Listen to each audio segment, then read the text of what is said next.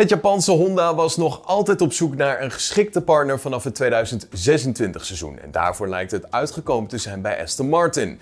Hoewel de motorfabrikant een prima relatie met Red Bull Racing kent, heeft het Oostenrijkse team voor Ford gekozen vanaf het nieuwe motorreglement. En dus moest Honda op zoek naar een nieuwe afnemer.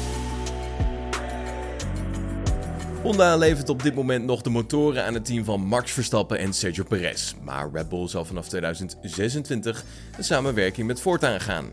De naam Honda is verdeeld over verschillende perioden al sinds 1964 terug te vinden in de Formule 1. De Japanners verlieten de Formule 1 in 2008 ten gevolge van de wereldwijde financiële crisis en toch wel twee matige seizoenen. 2015 keerden ze weer terug op de grid als motorleverancier van McLaren, waar toen Button en Fernando Alonso reden. De Japanse krachtbron bleek echter verre van competitief te zijn. Eind 2018 werden de banden dan ook met McLaren verbroken, maar Toro Rosso, inmiddels AlphaTauri, besloot echter om als zusterteam van Red Bull Racing zijnde met de Japanners in zee te gaan.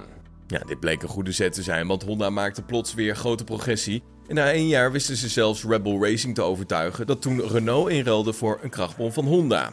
Eind 2021 trok Honda zich opnieuw uit de Formule 1, al bleef het op de achtergrond nog altijd motoren produceren en leveren voor het team van Red Bull Racing. Red Bull had zich dan ook voorbereid op een naderend afscheid door haar eigen motorafdeling te starten, genaamd Red Bull Powertrains. Honda was uiteindelijk toch van gedachten veranderd en wilde toch wel wat meer een prominentere status binnen de Formule 1.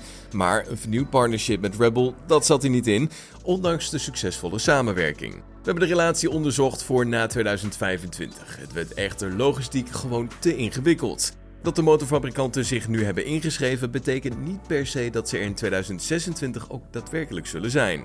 Ja, Horner wilde dus niet riskeren dat Honda toch geen nieuwe motor zou bouwen voor wanneer de nieuwe technische reglementen ingaan. Dus op 3 februari 2023 werd tijdens de onthulling van de RB19 ook de samenwerking met Ford Motor Company aangekondigd vanaf 2026 dus. Diverse Formule 1-teams werden in het V10-tijdperk voorzien van Cosworth krachtbronnen, dat onder het merk van Ford valt. Voor het laatst was Ford onder eigen naam actief bij het team van Jaguar, dat natuurlijk alweer dateert uit 2004. Ford was volledig eigenaar van het team, omdat Jaguar valt onder Ford Motor Company.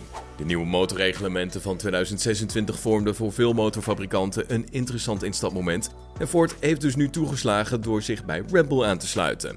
Maar goed, het betekende dus dat Honda op zoek moest gaan naar een nieuwe partner. En volgens de race wijzen alle pijlen naar Aston Martin.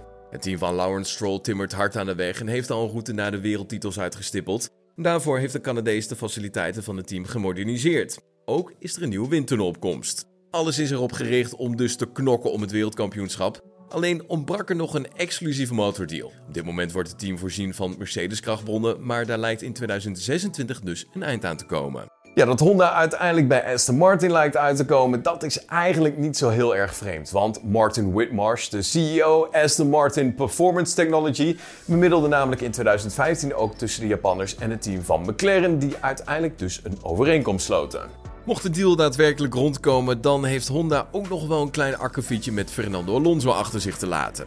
De Spanjaard was in de beginjaren van de rentree van Honda totaal niet te spreken over de prestaties van de Power Unit. Ja, uitgerekend tijdens de race in Japan zei hij uit frustratie dat het een GP2-motor was. Was hem dan de GP-fan special hier op Spotify. Vond je dit een leuke aflevering? Vergeet ons dan zeker niet te volgen op onze profielpagina. Dan zien we je morgen weer. Tot dan. Hoi.